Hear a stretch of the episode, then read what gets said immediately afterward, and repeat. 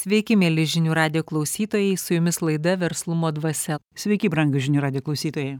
Šiandien mūsų viešne Ilona Ciunaitė, psichologė ir vedlė. Labą dieną, labai ačiū, kad pakvietėt mane. Labai malonu buvo praeitą kartą susitikti ir e, man garbė vėl būti su jumis. Ilona, jūsų knygos vartai, kurių nėra dialoguose, mačiau tą pastangą kuo tiksliau perduoti žinutę nukreiptą į žmogaus aukštesnįjį aš.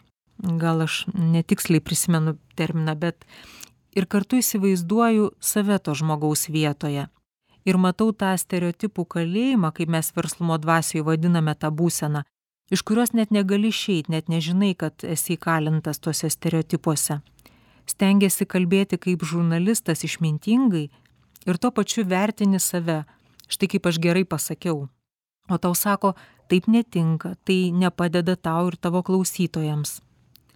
Štai susidurėme su ta situacija, kai tenka atsisakyti to, ką per gyvenimą prikaupėm.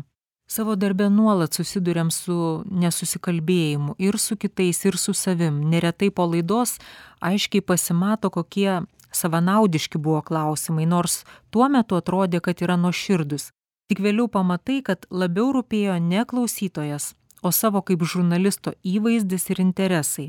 O kažkur taip tyliai viduj tau nuojauta sako kad yra gilesni klodai prie kurių tie stereotipai trukdo prieiti.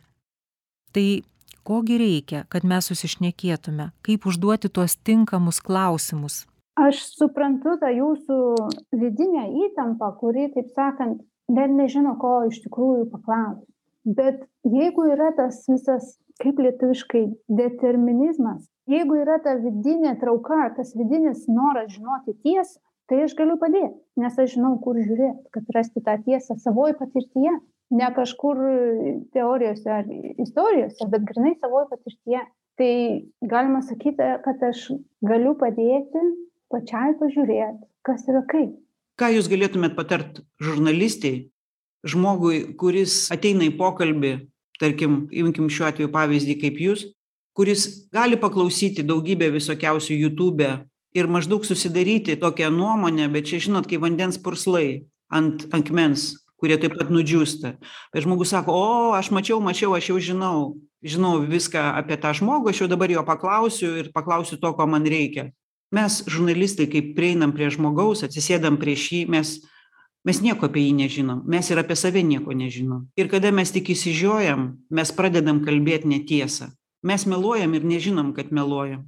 Nors intencijos mūsų labai gražios. Kaip mūsų laidos autorius sako gražiais norais kelias į pragarą grįstas.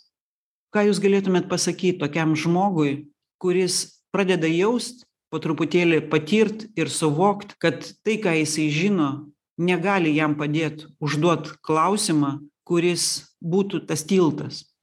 Aš gal pratęsčiau dar. Mūsų vat autorius nuolat kalba apie jausmo protą. Ir bent jau aš taip visą laiką jaučiu kad proto tai mumyse yra labai daug ir mūsų klausimuose ir mūsų intencijose.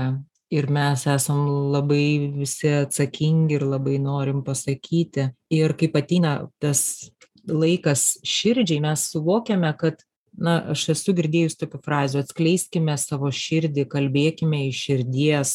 Ir pasirodo kad tai nėra taip paprasta. Ir štai kai žurnalistė sako kad man yra sudėtinga suformuluoti klausimą ir jisai yra bet jeigu tu nuimi protines tas konstrukcijas kurios pačios save suvelia ir klaidina tai pasirodo kad reikia tada vėl surasti kažkokią išraišką kuri padėtų kalbėti tai širdžiai tai nežinau ar labai patikslinau bet man atrodo kad jūs supratot.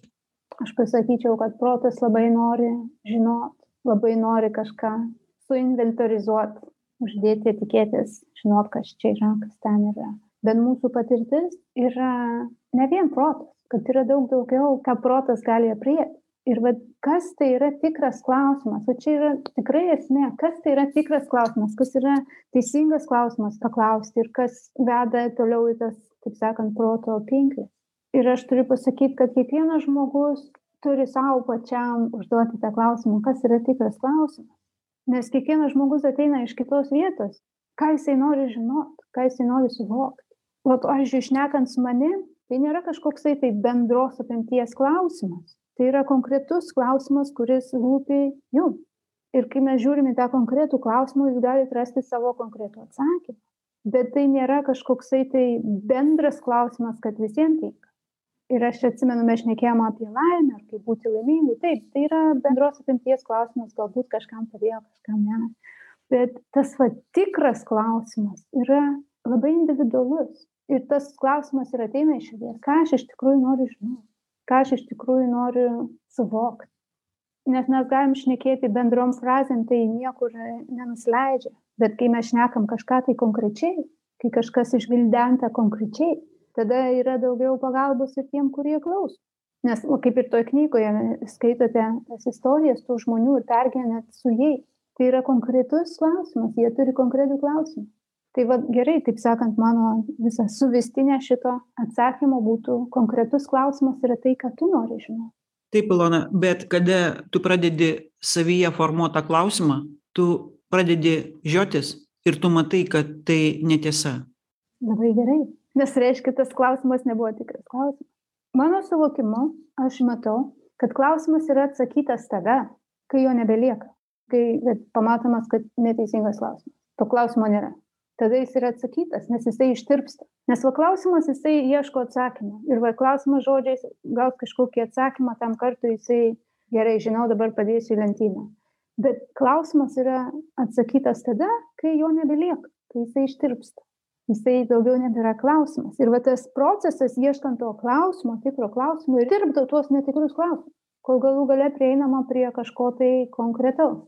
Dabar vat nes nežiūrint kaip į žurnalistę ar kaip kažką tai servisas kitų žmonių suvokimui ką tavo širdis nori ko tavo širdis ilgisi koksai yra tenai klausimas ko jinai laukia. Taip edita pabrėžia tą vietelę kad mes neatskiriam kur yra širdies balsas kur yra proto balsas. Taip nes protas šneka žodžiais širdis šneka jausmais širdis šneka be žodžių. Bet yra kažkoks ilgesys kažko tai ilgesys kažko jinai laukia. Mūsų laidos autorius savo knygoj tokį vidinį veiksmą aprašo kad mūsų protas kaip alkūnė nustumia tyliai šnabždantį jausmą ir pradeda kalbėt. Ir tas alkūnė nustumia tai ta mūsų būsena tokia kada mes žinome ir kada mes galim kitam pasakyt. Ir mums atrodo kad mes teisingi ir darome gerą darbą o pasirodo čia kaip sakoma ir visa bėda. Taip yra protas. Protas yra va energija galvoje. Energija kuri taip sakant viską kategorizuoja sudeda į simbolius žino kaupia žinias. O širdis yra krūtinėje tai vat jeigu uždėtumėt ranką ant krūtinės atėjo pajaust kas ten kas ten jaučiasi dabar? Kaip ta širdis jaučiasi dabar? Ten lengvumas atvirumas meilė kažkoks nerimas baimė liūdesys. Kad ir kas ten bėra tai yra ką šneka širdis ką transliuoja širdis. O protas galvoja kad yra jo darbas tvarkyt tą širdį kontroliuot jausmus taip jie ir nesusitarė bet proto darbas nėra kontroliuot jausmus. Jausmai yra širdies darbas. Protas tiktai gali įvardint papasakot apie tai kas yra. Bet jo darbas nėra kontroliuot širdies. Tai va jeigu norit klausyt širdies tiesiog kas ten dabar? Kas ten vyksta dabar? Ką aš ten pastebiu? Čia krūtinėje. Energetiškai. Kaip pojūtį. Ne tam kad tai sutaisyt pakeist ar pabėgt nuo to tiesiog pažiūrėt kas ten yra. Kodėl taip yra sudėtinga tai daryti? Galima taip pasakyt tai nekorektiškai skambės. Kodėl mums širdis nepasiduoda? Mes bandom ją atidaryt nežinodami kaip tai padaryt o jinai neatsidaro mūsų širdis mums neatsidaro. Mes atėjom į žemę ir ją gavom kad ji būtų mūsų palydovė mūsų saugotoja mūsų namai o jie visada uždaryti. Todėl kad mes ten neinam ir nesibeldžiam atvirai. Aš žinau kaip tai jaučiasi uždaryta širdis nes aš gyvenau daug metų su tuo. Nieko nėra kaip alkūnė. Niekas ten nesijaučia apie ką jūs čia šnekat. Iki to laiko kol jinai kaip sakant išsprogo bet negali tos širdies sakyti aha gerai atsiverk dabar. Nes tai yra kaip sakant agresija tai širdžiai. Ko jinai nori? Ko nori širdis? Širdis nori būt pamatyta pajausta įvertinta ir leisti jai būt kokia jinai yra. Bet jeigu mes einam ten su protu tas protas nori ją kontroliuot jinai niekada neatsidarys. Tiesiog kas čia jaučias? Kas čia jaučias dabar? Tai va jeigu mes einame į širdį tiesiog pažiūrėt kas ten yra be jokių nusistatymų be jokių lūkesčių ar kaip tai turėtų būt. Ir jeigu yra uždaryta tai matau kad jinai uždaryta. Tai priimti kaip faktą priimti tai kaip jinai jaučiasi dabar nu užsidarius. Ir štai čia prasideda tas susidūrimas su ta realybe kada mes aiškiai matom jog į jos atidarymą ketinasi visi. Ir mes tą mūsų darbą galbūt dėl kurio mes ir ateinam į žemę mes taip lengvai perduodam kitiems turiu omeny ir gydytojams ir bet kam kad jie pasirūpintų mes darysim ką nors kita o štai tegul jie pasirūpina mano širdim. Jūs pasakėt agresyviai. Gal galėtumėte apie tą instrumentą apie tą įrankį? Juk tie įrankiai jie mumyse gal mes patys esam tie įrankiai. Kas mus artina prie širdies? Dėmesys. Viskas ko reikia yra dėmesys bet tas dėmesys turi būti švelnus mylintis gerbiantis duodantis dėmesys. Viskas ko reikia. Nes dėmesys yra kaip raktas o čia va krūtinė šita vieta yra kaip spyna kai dėmesys iš proto nusileidžia į širdį kažkas atsiveria pradeda vertis pradeda atsidarinėt viskas ko reikia yra dėmesys. Problema yra ta kad mūsų dėmesys yra prote. devyniasdešim septynis procentus laiko. Ir viskas ką mes gaunam tai žodžiai apie žodžius koncepcijos bet į širdį neini su žodžiais eini tiesiog su dėmesiu. Ir dėmesys yra kaip elektra arba kaip benzinas kuras. Tai širdžiai atsivert. Ir mūsų širdis tai yra visiem duota visi mes žinom kas tai yra meilė kas tai yra supratimas užuojauta kas tai yra švelnumas gėrio linkėjimas tai yra natūralu mes su tuo gimę. Ir kiekviename žmoguje yra ta šviesa ta meilė kaip saulė viduje. Bėda ta kad protas galvoja kad jeigu širdis atsivers pradės jausti jai skaudės. Ir taip skaudės. Bet kas yra baisiau ar tai yra baisiau tai širdžiai atsivert ar visą laiką būt uždarytai kas skaudžiau? Čia irgi yra klausimas kas širdžiai skaudžiau likt uždarytai kaip kalinė šaltai ar atsivert žiūrėt kas bus. Taip skaudės bet ne vien tik skaudės. Protas saugo širdį nes per daugelį išgyvenimų jisai pamatė kad širdį skauda ir tai yra sunku pakelt tai yra sunku išgyvent bet širdis nenori būt uždaryta jinai nori išsilaisvint jinai nori būt atvira jinai nori reikšti meilę šviesą prašau jeigu tai korektiška pasidalinkite kai jūs pajautėt savo širdies atsivėrimą dabar mes matome kad žmonės praėjo karantiną mus vėl gąsdina nauju mes visi girdim klausom matom išgyvenam kas vyksta su rusija ir ukraina matom kas darosi europoj ir matom kad protas su tuo nebesusitvarko jis mums siunčia tokius signalus kurių mes nei mokam girdėt nei mokam pakelt. Ir vis daugiau žmonių kalba apie širdies atidarymą kad būtent čia išsigelbėjimas. Mūsų laidos autorius sako kalbėtis su savo siela. Tai prašau kad mes išgirstume štai patirtį o gal mumyse jau tai yra įvykę. Gal mes tik nemokam to perskaityt na kai tai vyksta yra absoliučiai aišku ir akivaizdu. Tai nėra klausimas jau nebėra klausimo gal tai įvykę ar neįvykę. Tai yra taip akivaizdu kaip matau spalvas. Kol to nėra tai širdis taip sakant kalinė. Jinai nėra laisva jinai nėra laisva jaust. Teisingai tas autorius sako kad galima šnekėt su savo siela galima šnekėt su savo širdim. Tiesiog užduoti jai klausimą širdie kaip tu jauties? Ir atsakymas ateina kažkas pasirodo. Jeigu klausyti širdies vėl grįžti į ją tai aš tada suvokiu kad tai būtų ta informacija kuri iš tikrųjų keičia. Ir dar ateina toksai suvokimas kad vis dėlto tas protas jis irgi reikalingas. Ne negali taip žinai visą laiką plavinėti. Tiesiog va tada kaip širdis gerai jaučiasi jinai džiaugiasi jinai supranta kad mes ją klausome kad mes ją priimam ir kalbėsim toj tonacijoj. Tai protui teks prisitaikyti. Jisai suvoks kad jo niekas nenori nuskriaust ir tada galima pabandyt kalbėti ir tada tie klausimai. Mes neseniai išgirdom iš mūsų klausytojų tokį patarimą sako jūs matot situacijas savo gyvenime? Na kokias nors ar moteris štai kenčia kad tenka skirtis su vyru nes jisai girtauja ir to neįmanoma jau ištverti ir yra vaikai. E, mama rūpinasi dėl to kad dukra išgyvena dėl santykių su draugu dėl savijautos dėl darbo. Ir tokiais atvejais kaip jūs sakėte kai yra konkretus klausimas kažkoks konkretus skausmas tai sako jūs dalinkitės tuo pasakykite iš to ką jūs matote kaip tuomet elgtis. Na pavyzdžiui kaip prieiti prie to žmogaus kuris dabar kenčia kuriam yra tas išsiskyrimas kuris visokiausia prieštaringose kaip eiti su ta atvira širdim kaip mes kaip žmonės galim vienas kitam padėt kaip tada komunikuot kaip susišnekėt šitoj vietoj. Kartais geriausia pagalba yra atidus klausymas ir tiesiog leidimas žmogui jaust ką jisai jaučia.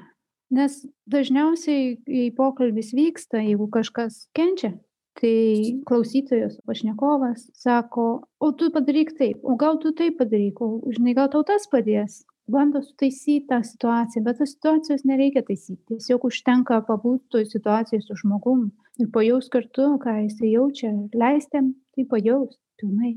Nes tas žmogus ateina su tokia našta su tokiu skausmu. Nežino ką daryt su tuo skausmu o jį užtenka pajaust pilnai išgyvent. Ir žinot kad tai yra okei kad tai leidžiama kad tas skausmas yra validus kad jį galima priimt nes tas skausmas ko jisai nori jisai nori būt pamatytas. Dažniausiai nori būt tiesiog pamatytas ir kad jam būtų leidžiama būt. Ir vienas iš mano mokymų didžiausių yra kad jausti yra saugu kad ir kas besijaučia kad ir koks pojūtis jausmas energija čia. Kad jausti tai yra saugu kad nieko neatsitiks jeigu jausim giliai ar intensyviai. Kad nereikia priešintis tam jausmui kuris ateina jis tiesiog nori būt pajaustas toksai įdomus reiškinys kurį aš pastebiu kad mūsų visa baimė kaip pojūtis baimė kuri yra susijusi su mintim apie ateitį yra susijusi su būsimų jausmų yra bijoma būsimo jausmo kurio dar čia nėra bet ta baimė kaip ir sako neik ten nes ten bus taip ir taip jausis jausis atstumta ten ar neįvertinta ar bet koks tas jausmas kurio mes bijom tai visa ta mūsų baimė yra apie jausmus. Bet visada yra saugu jaust visada yra saugu jaust ką jauti ir tas išlaisvina tą skausmą. Jūs tiesiog cituojat mūsų laidos autoriaus knygą globali jausmo proto dvasia. Jisai būtent apie tai ir skiria visą atskirą dalį apie tai kaip mes bijome savo būsimų jausmų ir kaip protas formuoja mums kuria tuos vaizdinius tas konstrukcijas iš kurių paskiau mes sukuriam koncepcijas. O kažkur teoretikai iš to parašo knygas kaip reikia kovoti su tom konstrukcijom kurių iš principo nėra. Tai yra tiesiog mes kovojame su galimybe su savo perspektyva su savo ateitim su savo tuo jausmu kuris turėjo ateit mumyse išsipildyt išsiskleist. Taip visos mūsų iliuzija arba fantazija apie ateitį yra apie tai ko nėra ir galbūt niekada nebus. Bet kai protas pradeda veltis į istorijas o kas bus jeigu taip bus? O jeigu taip bus atsiranda tas nervingumas kūne atsiranda įtampa baimė nemiga ligos. Viskas dėl kažko ko nėra ir ko gal greičiausiai niekada ir nebus. Tai vyksta dėl tokių dalykų kad protas galvoja kad jisai kontroliuoja ateitį. Jisai galvoja kad jisai turi viską suplanuoti taip kad būtų taip ir jeigu nebus taip kaip jisai suplanavo vyksta panika baimė kas bus? Nežinau kas bus. Esmė yra tai kad protas nekontroliuoja ateities. Tos ateities dar net nėra jisai ją tiesiog kuria vaizdiniais kas gali būt kuria problemas bando jas spręst kas neišsisprendžia prasideda baimė. Bet tai nėra tikras proto darbas. Čia tiesiog yra neteisingai naudojama fantazija fantazija nukreipta ne ten kur jinai turėtų būt nukreipta. Ir dėl to tai atima labai daug energijos ir kelia kūne įtampą. Nes kūnas žino kad tai neteisinga. Jis net susitraukia nuo tų minčių apie ateitį. Proto darbas nėra kurti ateitį ir bandyt ją paveikti taip kad jinai įvyktų taip kaip jisai nori. Tikras proto darbas yra stebėt kas yra matyt kas yra vertint kas yra. Ir tada jisai gali būti atsipalaidavęs ir budrus, nepasimetęs praeities ar ateities iliuzijose. Jisai gali tiesiog būti, matyti, kas vyksta. Ir jeigu tai, kas vyksta, reikalauja kažkokio atsako, tas atsakas iškyla ramiai, pasitikinčiai. Bet kol negali suvokti, kad jausti yra saugu, tol tas protas eis į ateitį, bandydamas išspręstas problemas, kad nereikėtų to pajausti. Tai va čia šitoje vietoje gali būti klausimas užduotas savo, ką aš bijau pajausti, kokia yra mano didžiausia jausmo baime, ko aš bijau pajausti. Ir kai gauni tą atsakymą, žiūri, ar tai tikrai jau taip labai jau siaubinga pajausti, ką jauti, ar tai yra saugu, saugu jausti. Jeigu nebėra jausmo baimės, nebėra reikalo kurti tų istorijų galvoje ir toliau būti vergu šitų proto pinklių jo. Tai kai mes labai dažnai nukreipiam, kitiem priskiriam savo nelaimės, kad tai, ką mes išgyvenam, tas nesėkmes, bėdas, nuolat nesibaigiančius konfliktus, nemailę, ypač ryšku tai darbe, aš tai kalbėjau su viena bendradarbė ir sako, manęs nevertina darbe. Štai verkdama ir kalbėdama tą patį aš aišku žinoma iš karto bandžiau įduot patyrimus gal tu taip pabandyk gal tu taip gal ir galvoju kodėl jinai manęs negirdi? Jinai manęs visiškai negirdi ką aš jai bandau patart. Jinai tiesiog verkia ir kalba tą patį. Manęs nevertina manęs nevertina manęs nevertina ir tada aš nutilau ir jinai po kiek laiko sako žinoma sako gal tame yra ir mano kaltės čia aš kažkaip pati. Ir tą akimirką aš pajaučiau kad lyg norėčiau kažką pasakyt jai štai dabar pasakyt. Ir aš suvokiu kad bandau sakyt iš proto o iš širdies pasakyt nieko negaliu. Ir aš tyliu. Mes galbūt praradom tą akimirką buvo tyla ir jinai vėl sako aš išeisiu iš darbo nes manęs nevertina ir lyg atrodo turėjau galimybę ir jinai nuslinko. Bet štai mes dabar galim su jumis apie tai kalbėt. Bet tai buvo kažkoks atsivėrimas ir protui galbūt tai ir atrodo kad kažkokia galimybė praslinko iš tikrųjų niekas nepraslinko. Tai buvo momentas tame kad jūs viena kitą išgirdot. Jinai turėjo galimybę pamatyt kad galbūt ji yra nevertinama pati savęs pačios o visa kita atspindi tą vidinę būseną nes aš pastebiu kad tai kas jaučiasi čia ką iš tikrųjų jaučiam čia mums pasaulis parodo kaip veidrodį tiktai mes to nesuvokiam. Ir jeigu aš jaučiuos kad manęs kiti nevertina ar aš pati save vertinu tai būtų pirmas klausimas. Kur aš savęs nevertinu? Kaip aš savęs nevertinu? Nes kaip gali kiti mane vertint jeigu aš pati savęs nevertinu? Jie tiktai man parodo kad aš nevertinu savęs ir mes bandom sutaisyti tą atvaizdą kažkaip bandom pakeisti tai kas vyksta išorėj kažką priverst kažką manipuliuot. Bet vienintelis pokytis kuris gali įvykt tai yra širdyje savyje. Kai suvoki kad gerai aš savęs nevertinu iš kur tas jausmas atėjo? Iš kur aš jį išmokau? Nes tai nėra kažkas su kuo mes esam gimę mes tai išmokom iš kažko. Kažkas galbūt vaikystėj pasakė kad tu nieko neverta nieko nepasieksi kam čia stengies ir tai liko kaip kažkieno kito įsitikinimas priimtas už savo įsitikinimą ir visą gyvenimą tas įsitikinimas pasirodo gyvenime kaip žmonės ir situacijos patvirtindami tą jausmą. Nors to jausmo šaknis yra viduje tiesiog niekad nebuvo tenai pažvelgta. Iš kur tas nevertinimas kaip jisai čia atsirado. Kai vyksta pokalbis ir kaip matei gana žodžių. Va tuo momentu ir vyksta ta kažkoksai tai pokytis nes tas jausmas yra nebesmerkiamas arba nebereikia jo taisyt jis tiesiog yra čia ir jį galima išgyvent Dėkojame psichologijai vedliai Ilonai. Dabar padarykime pertraukėlę. Mėly klausytojai, netrukus susitiksime antroje laidos verslumo dvasia dalyje. Mėly žinių radio klausytojai, grįžtame į laidą Verslumo dvasia. Antroji dalis priminsiu, kad kalbamės su psichologe vedle Ilona Ciunaitė. Šiandien matome, kad greičiausias būdas atskleisti konflikto rodomas problemas yra būtent darbovietė. Čia sueina daug skirtingų kartų žmonių mes problemas kurias ten pajaučiame dažnai priskiriame išorei kalti vadovai bendradarbiai rinkos sąlygos klientai.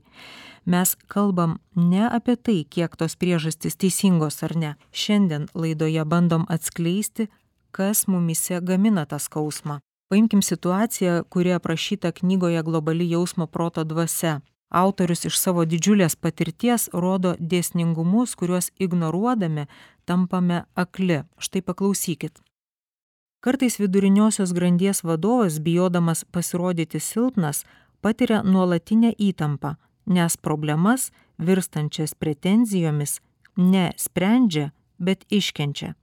Ši bėda dažniausiai ištinka, kai žmogus tikisi padaryti viską vien savo jėgomis negalėdamas įveikti baimės keisti atgyvenusias tvarkas neturėdamas užtektinai valios šalinti tai kas trukdo siekti geresnio rezultato savo vidinių prieštaravimų chaosu jis griauna skyriaus darbą.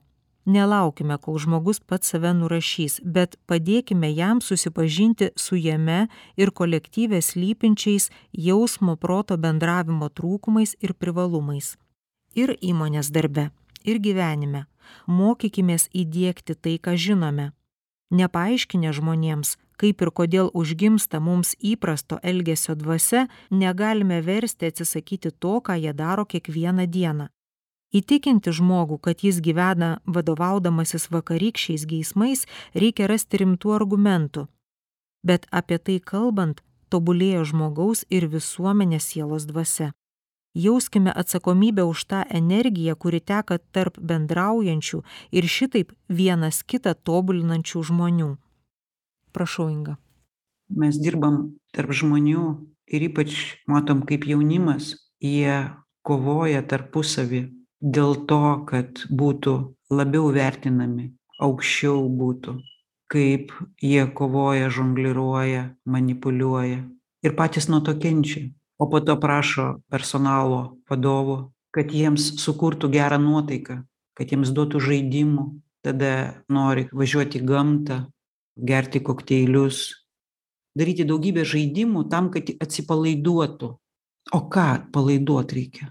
Kada tas ryšys tas jausmas tarp mūsų gali būti gimti gali būti užmegztas kiekvieną akimirką. Ir kada yra talmudai prirašyti įvairiausių koncepcijų bendravimo ypač įmonėse nes matau aplinkui įmonės kviečia eilės lektorių kurie pasirengę tik pakvieskit mus ir mes išspręsime jūsų problemą. Duokite mums savo problemas. Ir jie pasakoja mums kaip mes turime dirbti kaip mes turime atsakinėti kaip mes turime spręsti problemas spręsti konfliktus. Ir tu matai kad mes prarandame tas progas tas situacijas tą laiką tą buvimą kartu iki to konflikto iki tos problemos iki to kažkokio nepelno.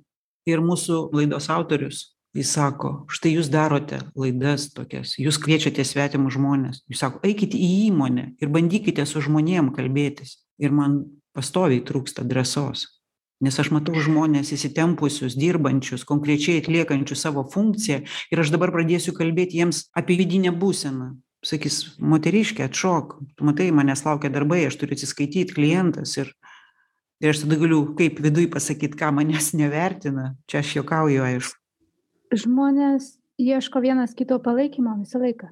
Bet tai gali vykti per protą ir tai gali vykti per širdį. Tas supratimas ar ryšys vienas su kitu vyksta per protą arba per širdį. Per protą tai yra kai mes dalinamės problemas kažkas mums duoda patarimus mes juos priimam ar atmetam. Bet tas aš išgyvenau tokį sunkų įvykį ir dabar man taip ir anaip tai yra dalinimas tuo skausmu kurio yra tiek daug aš nežinau ką su juo daryt. Bet kai tai yra dalinamasi per protą jisai ten ir tebėra išsišnekėjai prabuvai kažkiek niekas nuo to nepasikeitė grįžai atgal į savo kasdienybę ir ir tas skausmas ten yra. Taip žmonės vienas su kitu susilieja ir susisieja sueina į ryšį per protą dalindamiesi nuoskaudas dalindamiesi į tas kaltas anas kaltas dėl mano blogo gyvenimo. Bet yra kitas dalinimasis yra dalinimasis iš širdies į širdį kai tiesiog gali pabūt su tuo žmogum kuris yra kančioje ir neteisiant išklausant leidžiant jam pabūt savam skausme be jokių bandymų pataisyt ar pabėgt nuo situacijos. Ir tai nėra lengva. Aišku einant į įmonę tai nėra vieta tam nes tai yra individualus reikalas. Negali prieiti prie kito žmogaus širdies bendrom sąvokom tai yra tiesiog buvimas su tuo žmogum davimas savo dėmesio tikro dėmesio ne kažkuo pasiskundžiant ar ten leidžiant jam skųstis bet leidžiant jam pajaust ką jisai jaučia. Nes dėmesys yra mūsų tikroji valiuta kuri cirkuliuoja tarp žmonių ir kurio visi nori. Visi nori dėmesio. Bet mes tą dėmesį galime duoti laisvai arba jo yra reikalaujama. Ir tada jaučiasi kad iš manęs jį nori atimt. Arba aš jaučiuosi tada išsekinta nes kažkam labai reikia dėmesio aš nenoriu duoti to dėmesio. Tas dėmesys yra kaip valiuta. Ir svarbiausias dalykas tą dėmesį nukreipti ten kur jo reikia sau kad neprašyt jo iš kitų.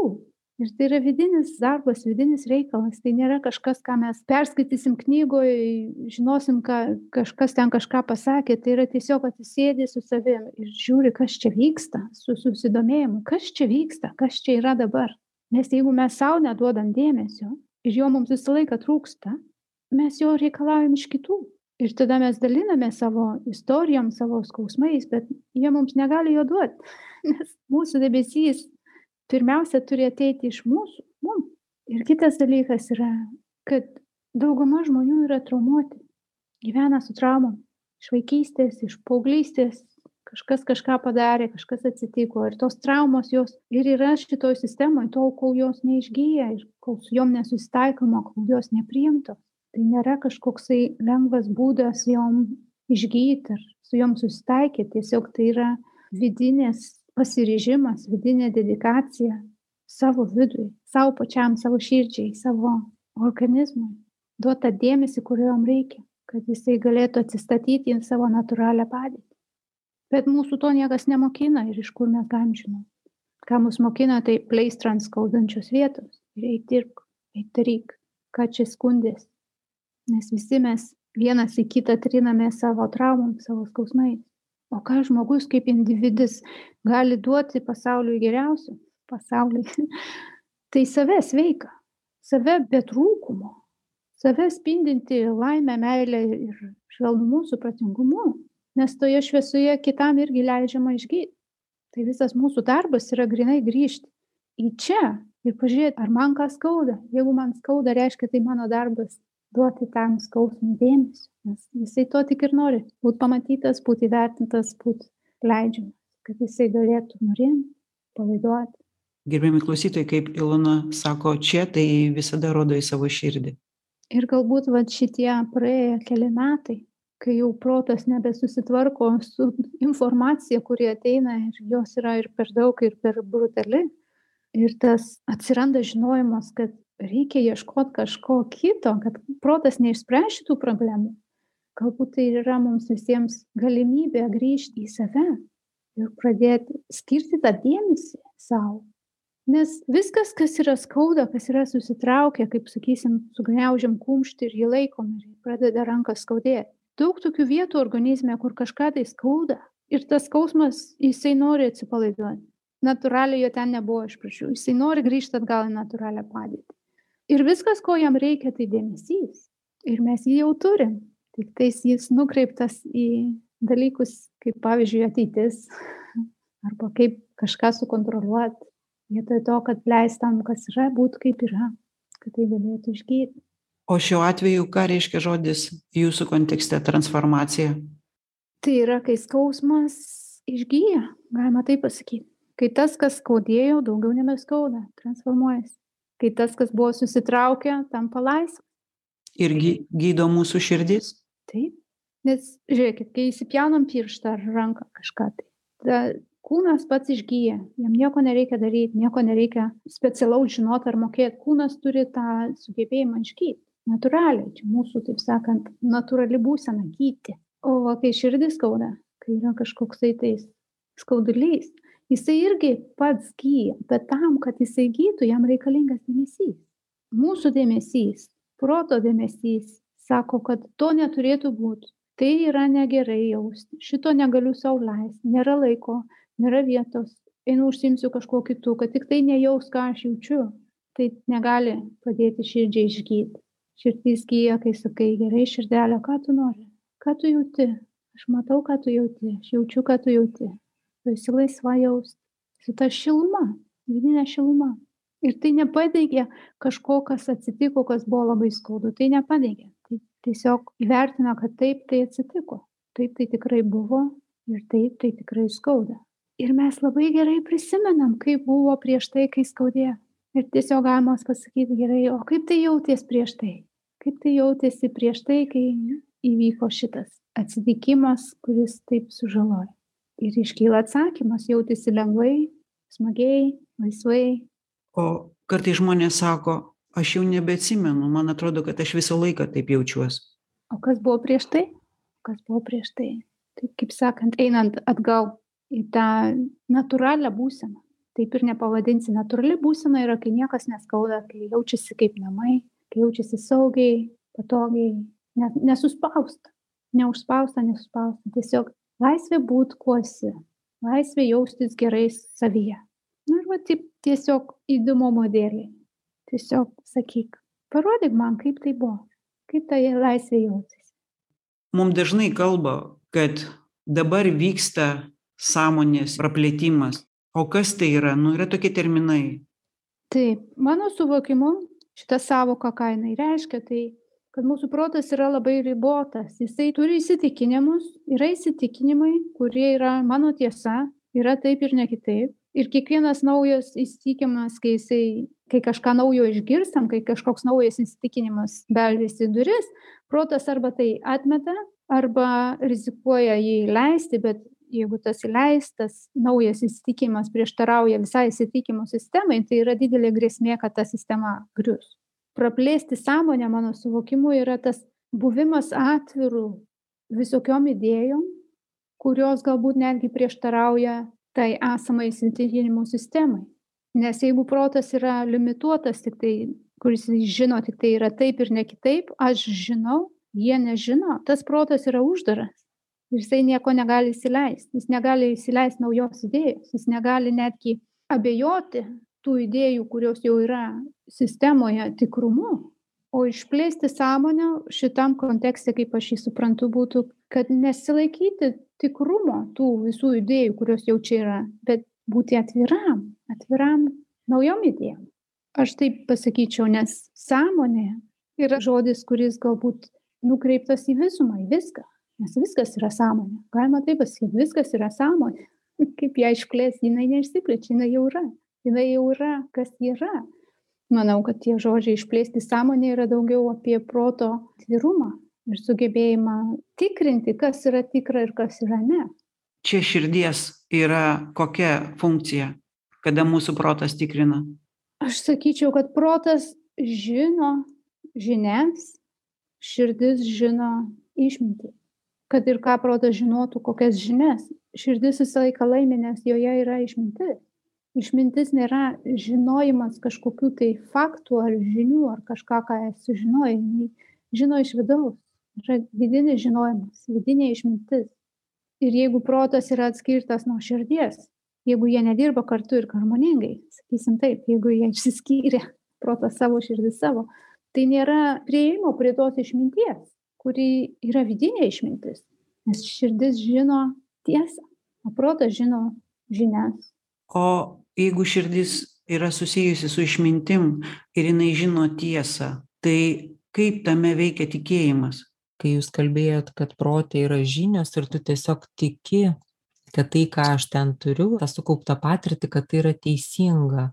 Ir vad kalbant apie sąmonės išplėtimą, tu suvoki, kad jeigu tu esi atviras, tai tas tikėjimas jis kaip ir tokio netenka tokio tvirtumo ir kaip tada kur to tikėjimo vieta?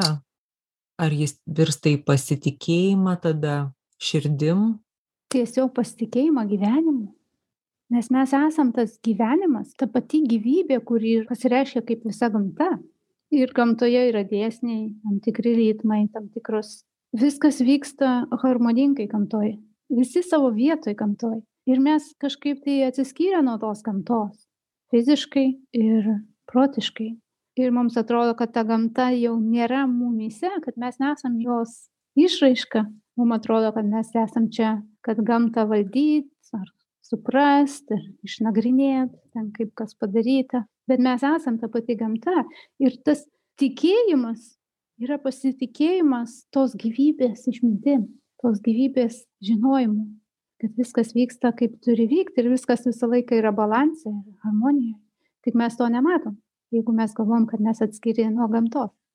Ir gamta labai labai daug gali ką išmokint ir parodyt bet mes turim suvokt kad mes esam tos pačios gamtos išraiška manifestacija.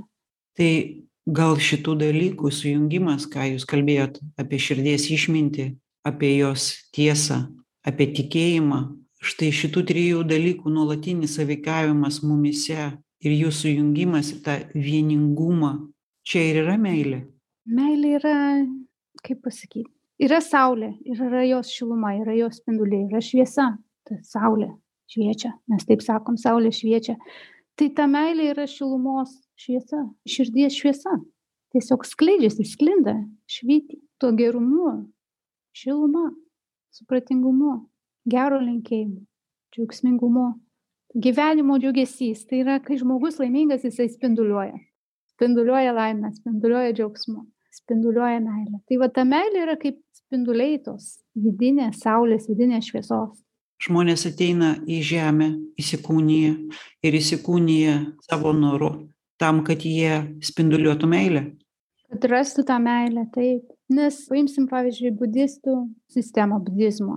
Viskas tenai sukasi apie karmą. Mes ateinam čia kad pereiti per tą visą savo karmą kurią mes jau sukaupėm per gyvenimų gyvenimus. Paimkim šitą modelį. Ką tai reiškia? Mes daug situacijų išgyvenam tokių kur pasielgėm neteisingai. Pasielgėm kaip kiaulės, pasielgėm pasikėlę kaip gaidžiai arba pikti kaip gyvatės. Netgi jų tame budizmo gyvenimo rate yra pavaizduoti trys gyvūnai - gyvatė, gaidys ir keulė, kas, sako, gyvena visose muimyse. Ir mūsų va, visas tas gimimas čia yra, kad suvokti, kad taip elgtis neteisinga, kad galima elgtis teisingai, kad nebūtina elgtis iš pykčio, iš noro būti aukščiau, iš puikavimosi ar iš žeminimo kitų, nes tai, kaip mes išsireiškiam gyvenime, grįž pas mus. Tai čia trumpai ta visa karmos ratas. Ir jeigu mes čia ateinam į gyvenimą ir mūsų elgesys tiesiog parodo mūsų tos zoologijos sodą viduje, kaip mes elgiamės su kitais, tai mes ir gaunam iš gyvenimo tik tai, tai ką išsiunčiam. Ir va, visas šitas mūsų gyvenimas yra tam, kad suvoktų, kaip elgtis kaip lygus su lygiu, kaip elgtis iš meilės, kaip elgtis iš gerumo. Nes mumise yra tas gerumas, jau yra ta meilė. Tai yra natūralu. Bet kol mes to nesuvoksim, tol mes ir kentėsim. Tiesiog man šitas modelis gana artimas, nes aš galiu atpažinti tuos gyvūnus savyje, kai jie išlenda per kokį nors tai galą. Sako, gyvatė tai piktis, neapykanta, gaidys tai pasikėlimas, aš geresnis už kitus, aš turiu būti geresnis už kitus. O keulė yra tas, kur viską ignoruoja. Sako, a, jūs durniai, jūs nieko nežinot, nieko nesuprantat. Pasakyčiau, labai gerai apibūdina žmogaus, paprasto žmogaus, eilinio žmogaus, kuris nieko neieško būseną. Nes šitie bruožai yra visuose mumise. Ir jie tik tai veikia nesąmoningai. Kaip sakant, mes to išmokom. Mes taip elgiamės, kaip mes išmokom. Ir va tas galbūt tas sąmonės išplėtimas yra suvokimas visų tų vidinių mechanizmų, per kuriuos mes kenčiam, tam, kad mes nustotumėm kentėti ir galėtumėm šviesti. Švies šviesa, tikra šviesa. Ir kai mes šviečiam, tai atgal grįžta ir tai padeda kitiem. Čia toks filosofinis įtarpas. Bet tai galima pastebėti kiekvienos dienos gyvenime, bendraujant su žmonėmis, iš kurios vietos jie kalba. Mūsų laidos autoris dažnai sako, na, parodyk, ką nors pasakyk, ir parodyk man, kur tu esi. Aš dabar šiom dienom dažnai išneku apie vandenyną ar jūrą. Labai gera metafora arba geras palyginimas yra vandenynas ir bangos. Nes kai prieinam prie vandens, mes matom bangas. Ne? Bangos rytasi viena aukštesnė už kitą, kiek jų daug tų bangų. Ir atrodo taip, kad va ta banga, jinai turi vardą, jinai turi apibūdinimą, mes žinom, kas tai yra banga. Ir ta banga yra atskira nuo kitų bangų, jinai individuali banga. Bet ar galima pasakyti, kad vandenynas vyksta bangai? Ar kad vandenynas daro kažką bangai? Negalim, nes vandenynas ir yra kas banguoja. Bangos nėra atskiros nuo vandenyno. Tai yra tiesiog laikina forma, kurią tas vanduo priima. Ir dabar pažiūrėkime tą vandenyną kaip į tą gyvybę. Gyvybė kuri yra mumyse visuose. Mes esam tos gyvybės išraiška. Bet va šitas va kūnas protas širdis visa ta sistema pavadinkim tai banga. Ir į viską pasižiūrėjus yra visur ta pati gyvybė. Tas pats gyvenimas tas pats kvėpavimas tas pats pulsas tiktais mūsų protas fokusuojasi į formą ir į vardą ir į funkciją tai jisai nemato kad mes esam visi ta pati gyvybė ir dėl to atrodo kad galiu elgtis su kitu kaip aš noriu nes aš esu atskiras tai nesu aš tai yra kažkas tai kito.